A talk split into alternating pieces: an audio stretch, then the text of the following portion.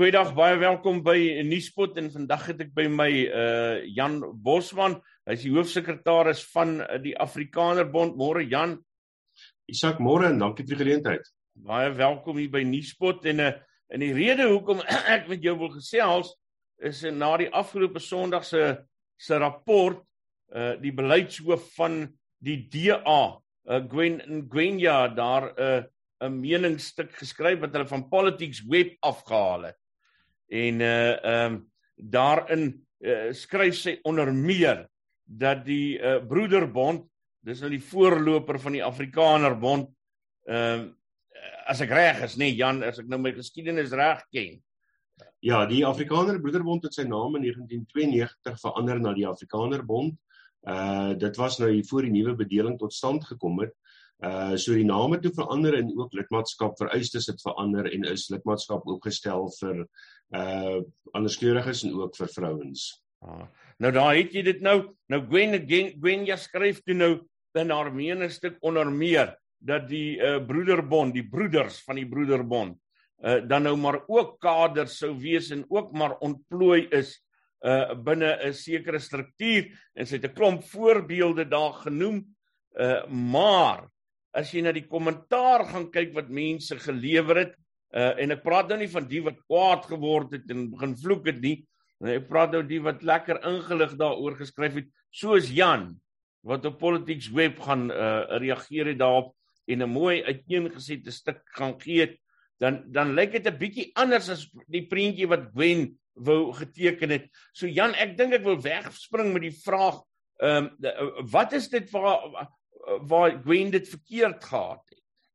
Uh Isak, ek moet ek moet eers begin om te sê dat ek dink die vertrekpunt wat sy gebruik is nie verkeerd om om 'n uh, ernstige kommer uit te spreek oor kaderontplooiing nie. Ons het ook in die verlede en ook redelik onlangs ernstige kommer uitgespreek oor kaderontplooiing dat dat uh, staatsamptenare vanuit Letoile huis uh, as 'n ANC subkomitee aangestel word dat uh, dat daar geen oorsig is oor wie aangestel word, hoe hulle aangestel word, die kriteria waarop hulle aangestel word. Uh dit is uiters problematies. Uh hierdie ding het natuurlik baie sterk na vore gekom in die uh getuienis wat voor die Sonde-kommissie uh gelê is en waar daar gesê is uh onder andere dink ek die president self het erken dat kaderontplooiing uh dalk nie altyd korrek is nie. So daar's by hulle ook maar kommer oor die manier waarop dit toegepas word. So wat dit dan betref vir die DA nie uh, is is daar nie fout met die DA se standpunt te vind dat hulle die ANC aanvat oor kaderontplooiing nie en ons het dit ook gedoen. Waar die fout egter inkom is om onmiddellik dan 'n vergelyking te tref tussen die ANC se manier van kaderontplooiing en die Broederbond en dan word daar 'n wil klomp wilde stellings gemaak verouderde bronne word aangehaal hier uit die 70er jare uit uh wat wat eintlik alreeds uh die tot die teendeel bewys is in verskeie boeke wat intussen die lig gesien het.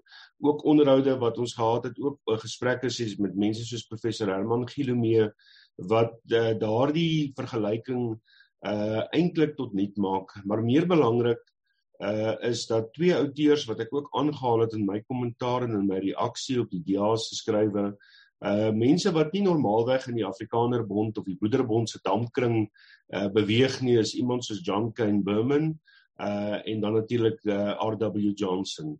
Nou beide van hulle het geskryf oor die ongelooflike prestasies van Afrikaners in die verlede. Hulle het geskryf oor die verwantskap uh en en uh wat getrek word wat kommentators eintlik baie maklik en vinnig doen om te sê dat die ANC opereer maar net soos wat die Boederbond geopereer het so ons moet hulle maar vergewe en dit is hoegenaamd nie die geval nie.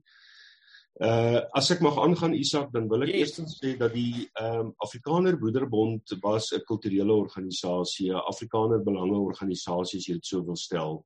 Hy is gebore uit die diepe nood en armoede van Afrikaners na 1918 om Afrikaner armoede aan te spreek. Uh en dit het hy gedoen deur die spaargeld van mense wat by by in in federale volksbeleggings belê is. Uh mense wat uh jy weet universiteite wat gebou is met pannekoekgeld. Uh so so daardie tipe van denke het die Afrikaner Broederbond gerig om Afrikaners te bemagtig eerstens op 'n onderwyskundige terrein, tweedens ekonomies te bemagtig en daarna politieke bemagtiging gevolg. Uh maar ek het dit ook uitgelig in die skrywe dat ons argiewe is oop sedert 1995. Dit word gehou by die Erfenisstigting by die Voortrekker Monument en enige navorser in ons kry gereeld versoeke van navorsers wat oor die Afrikaners se geskiedenis skryf. Uh is baie welkom om die argiewe te besoek om dan self te kyk.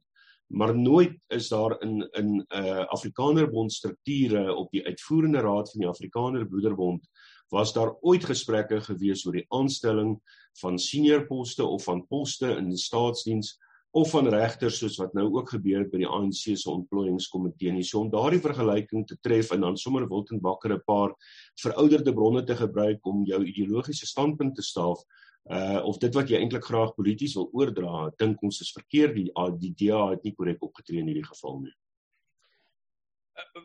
Wat is dit wat wat iemand soos jy ehm um, so 'n uh, bietjie isie grimmig maak oor oor wat sy geskryf het. Hoekom is jy hoekom is jy bekommerd oor die manier hoe sy dit gestel het? Uh, wat sou jy anders uh, wat watter ander boodskap sou jy wou deurgee? Kyk die die Afrikaner Broederbond het as 'n hoogs vertroulike organisasie gefunksioneer uh, tot en met 92. So dit, dit kan niemand ontken nie, maar dit was ook 'n baie groot nadeel vir die Afrikaner Broederbond omdat hy dalk nie altyd kon reageer in daardie tye uh, op kwessies wat wat nou hom na in die hart gelê het nie. Ons het ons saglik baie moeite gedoen sedert 1995. Isak, ons het in 2018 met ons Eeufees het ons hierdie boek uitgegee wat 'n uh, baie kort en bondige oorsig is van die Afrikaner Broederbond en toe verlede jaar het ons hierdie boek bekend gestel van professor Ernst Stals wat 'n 720 bladsye dokument is feitelik is wat al ons argiewe geraadpleeg het wat uh, ge, baie sterk gewerk het op die geskiedenis op die feite. Uh, en dit is die kwessies wat uh, wat ons dink uh, as as jy nie deur hierdie boeke tevrede gestel is nie en jy nog steeds vra gaan kyk in ons argiewe, dis oop. Hoekom wil jy sulke wilde beweringe maak deur mense wat in die verlede 'n boutjie te sluip gehad het met die broederbond en ek aanvaar daar's vandag nog mense wat 'n boutjie te sluip het. Maar ons nooi hulle om te gaan kyk na ons bronne, na die argiewe. Kyk waar is dit wat die goed wat krap uh en dat uh, dat die argiewe wat uh, wat ons het met ons notules en so aan sal enige persoon se vrae moontlik beantwoord indien nie baie welkom om met ons ook direk kontak te maak en te gesels daaroor en ons help dan graag ook waar ons kan. As ek net mag verwys na die groot verskil wat ons vandag sien is dat die Afrikaner Broederbond uh word gereeld beskuldig van baantjies vir boeties. Uh die werkswyse wat die Broederbond in die verlede gehad het is om mense wat hulle self reeds bewys het uh op op 'n leiersvlak binne senior staatsposte om hulle te nader om deel te word van die Afrikaner Broederbond. Daar was nooit 'n geval gewees van dat lede in poste aangestel is omdat hy 'n lid van die Broederbond is of om nou, om mense ten alle koste aan te stel omdat hy 'n lid van die Broederbond is nie. Ek het toevallig ook op die kommentare op Politics Web wat nou in 'n meer om Engelse omgewing is, het ek uh, die kommentare gelees ook van 'n klomp Engelssprekendes wat verwys het na direkteurs-generaal in die verlede wat Engels was wat aangestel is. En dis mense wat nie naaste by 'n band of uh, inteendeel wat baie antagonisties was. Teenoor die broederbond. Ehm um, so so daardie werkswyse het ons gevolg om om mense wat hulle self reeds bekwam het uh dan te werf en en lede te maak. En ek dink dit is die groot verskil en ons kan ook gesien het in 1994 het die ANC 'n uh, infrastruktuur ge, gekry wat ongekend is, die Afrika uh, industriële reus wat geskep is deur Afrikaners. Nie die Broederbond het 'n rol gespeel. Ons gaan nie al daardie krediet vir onsself eis nie, maar die Broederbond het 'n rol gespeel daarin om te kyk na watter leemtes daar is om mense te te identifiseer wat kan help met ontwikkelingsprojekte, om mense te help wat kan wat uh, universiteite tot stand kry.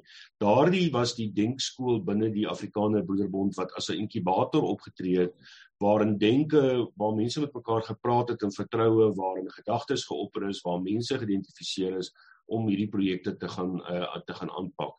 Nooit is daar uh op hierdie manier van staatskaping want dit is die dis die noodwendige gevolg van kaderontplooiing is dis dis dis eerstens transformasie dan ontplooiing en dan absolute vernietiging want mense word in poste aangestel wat nie naaste by bevoeg is om daardie werk te kan doen nie. Uh en ons sien dit ongelukkig nou in alle sfere van regering.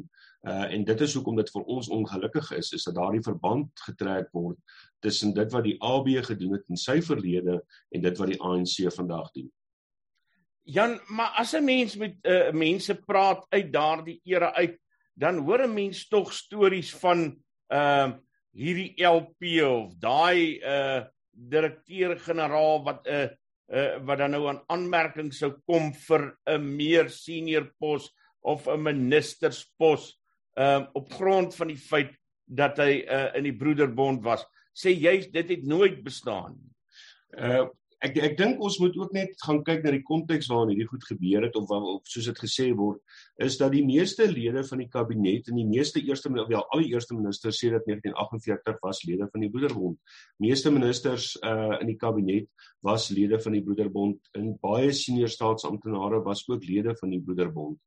Uh dat daar dalk iets kon gebeur het waarin mense eerder gekyk het na is die oue broeder of is hy nie 'n broeder nie uh dit dit dit kon gebeur het en ek gaan dit nie probeer ontken nie. Ons het ook gesê uh, in ons artikel dat in afdelingsvlak by skoolhoofde by raadslede by waar afdelings self besluit het is dit baie moontlik dat mense uh op hierdie manier gefunksioneer het en dit dit is dit dit kan vandag nie goed gepraat word nie. Maar dat daar nooit 'n beleid was dat broeders ten alle koste aangestel moes word of dat uh dat broeders ontplooi moes word na sekere staatsdiensdepartemente dit was nooit beleid nie dit is nooit toegepas nie. Die broederbond was 'n was 'n lede vrywillige lede organisasie hy het dood eenvoudig nie die vermoë gehad om mense opdragte te gee om om uit te voer om mense opdragte te gee om mense aan te stel om mense opdragte te gee om regters aan te stel.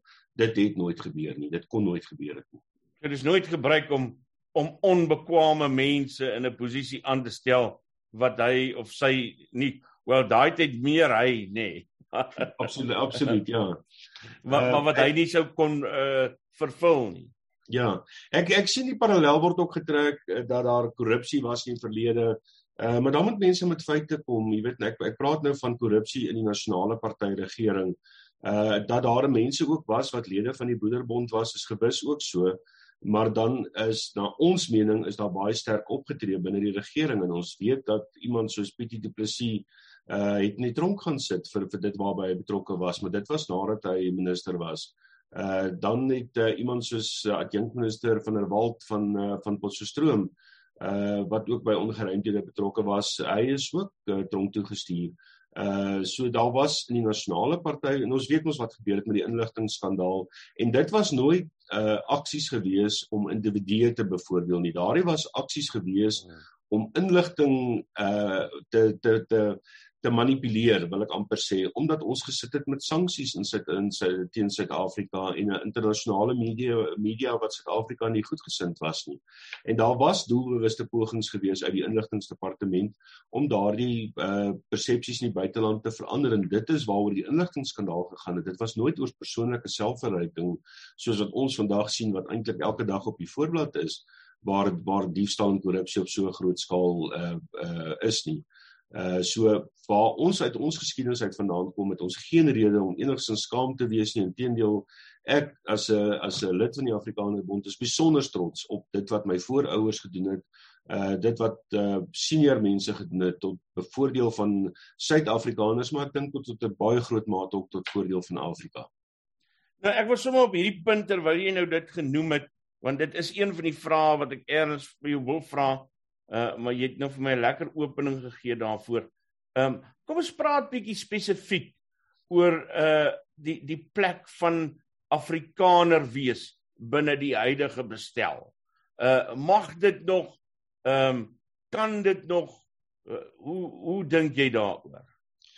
Ehm uh, Isak, ek dink die nuwe Suid-Afrika wat ons nou sedert 1994 gekry het, uh het eintlik vir ons absoluut die geleentheid gegee om baie meer in jou eie identiteit om te gaan en om te leef uh en is uh, word dit ook in die grondwet gewaarborg as 'n taal en kultuur en geloofs uh beskerming uh wat wat na ons mening al hoe meer gebeur en ek dink dit moet verwelkom word is dat Afrikaners het het na 94 amper polities skaam weggestaan van die begrip en die identiteit Afrikaner. Uh Uh ons het die reënboognasie ten volle uh, omarm. Dit was vir ons 'n wonderlike nuwe geleentheid om Suid-Afrikaners te wees. Maar wat gebeur het is dat soos wat die ANC se beleid al hoe meer toepassing gevind het het mense al hoe meer begin vind maar ek moet my identiteit opneem om net myself of of selfbeskerming op te neem binne identiteit. Uh en ons kon dit baie gemaklik ook sien die laaste 10, 15 jaar waar waarby ek nou by die AB betrokke is dat mense al hoe meer en jy weet daar was vroeër jare bekendes ek wil nou nie name noem nie wat bedank het uit hulle Afrikanerskap wat skaam kwaad was oor dit wat in die verlede gebeur het. Maar dit wat vandag gebeur, dink ek is al hoe meer mense is baie meer gemaklik om te sê ek is 'n Afrikaner. Uh maar dit staan nie weg van die feit dat jy ook 'n Suid-Afrikaner is nie omdat dit meer 'n staatkundige begrip is en ek is ook 'n Afrikaan omdat ek op hierdie kontinent gebore is. Uh so dit is vir my baie gemaklik om met my verskillende identiteite in die nuwe Suid-Afrika om te gaan want vandag is ek Afrikaner soos wat ek met jou praat as ek Afrikaner. As ek hier uitgaan by ons kantore is ek 'n Suid-Afrikaner in in interaksie met ander Suid-Afrikaners uh en ons is ook wêreldburgers en so het ons verskillende identiteite. Ek is ook 'n leeu ondersteuner Isak ek is nie seker wat jy is nie. Dit is ook een van my identiteite. Uh ek is 'n Christen. Uh dit is een van my identiteite. So ek kan baie gemaklik met my en ek is ook 'n gesinsman. En ek kan baie gemaklik met my verskillende identiteite omgaan uh binne die Suid-Afrika van vandag. Die fokus word net al hoe meer geplaas op die Afrikaner identiteit uh en ons moet dit doen in balans die heeltyd uh met met die ander identiteite wat ons in Suid-Afrika ook het. Wel ek kan vir jou sê my identiteit is nie uh my secret nie. Ek is 'n cheetah. Isak, jy maak net my gebedslysie al hoe langer. Jan, Ehm um, en en tot watter mate uh dink jy mag 'n mens daardie identiteit in hierdie spesifieke konteks waarin ons is um, uitbou en, en en leef? Waar lê die grense ehm um, as daar is uh waar waar watter rigting om in te gaan? Isak, dit is 'n uh, uh, Afrikaner is nie 'n homogene uh term wat jy net so dwars op van toepassing kan maak op almal nie. Uh ons neem uit verskillende uh identiteite in Suid-Afrika en ons sê dit is wat my 'n Afrikaner maak. Uh so is ek Afrikaans sprekend, maar ek het nie alleen reg op die taal Afrikaans nie. Daar's ook ander groepe wat Afrikaans praat. En ons vat weer hande met daardie groepe om Afrikaans te bevorder en ek doen dit graag as 'n Afrikaner ook.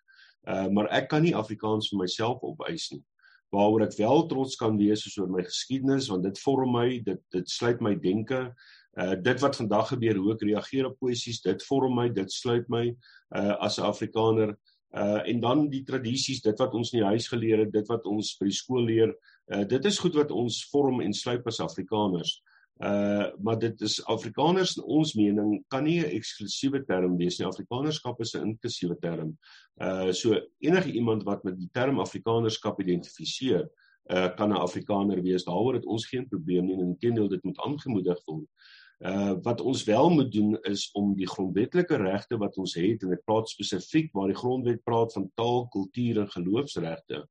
Dit is wat ons vorm binne die uh binne die Suid-Afrika van vandag binne die demokratiese bestel en ek dink nie ons het al voldoende daardie regte opgeëis nie maar die grondwet gee vir ons die reg en dit is hoekom ons so hard standpunt kan inneem teenoor 'n Panjasa Lesofie wat Afrikaanse skole uh wat wat wat so gereeld uitkom teen Afrikaanse skole want dit is ons grondwetlike reg ons het dalk die probleem dat die grondwetlike hof nie soms of of is dikwels uh, ander uitsprake maak maar dit is uh dit dit word binne die grondwet vir ons gegee en ons het daaroor verskeie menings dat my identiteite word gewaarborg binne die grondwet en taal en kultuur is tog my my uitdrukking van my lewenswyse van my lewenstyl en dit doen ek.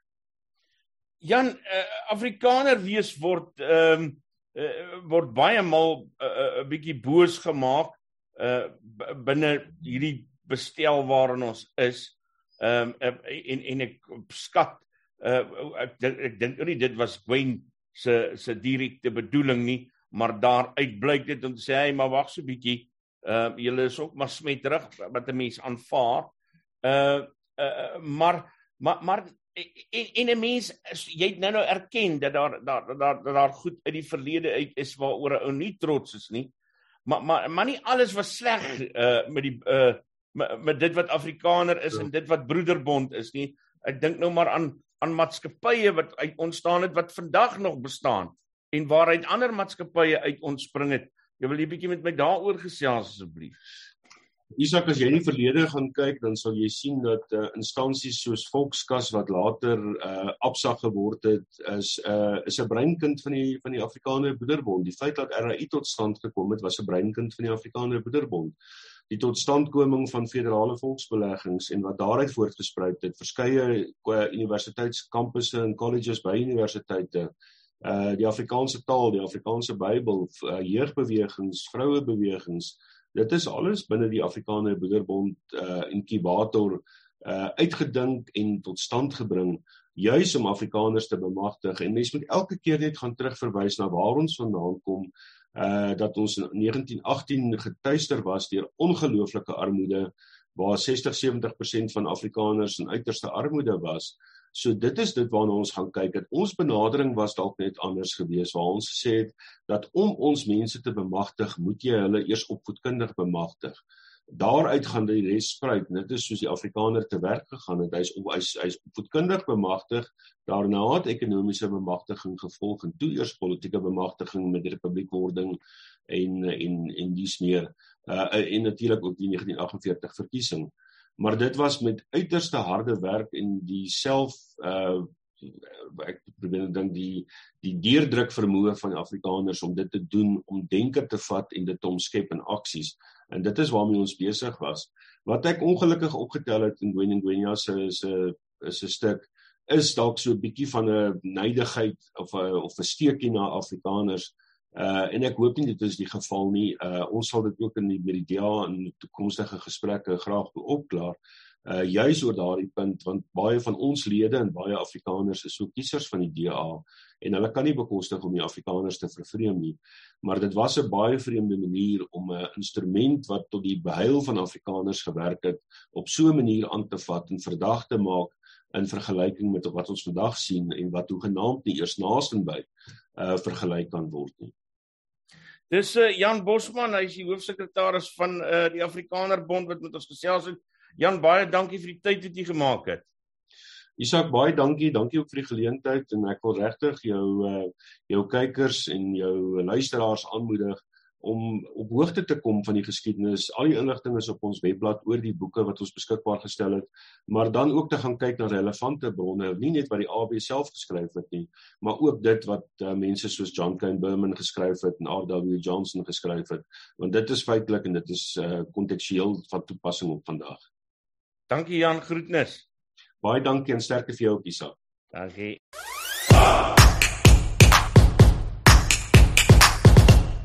Nuuspot. Onbevange, onbegrens, onbevooroordeeld.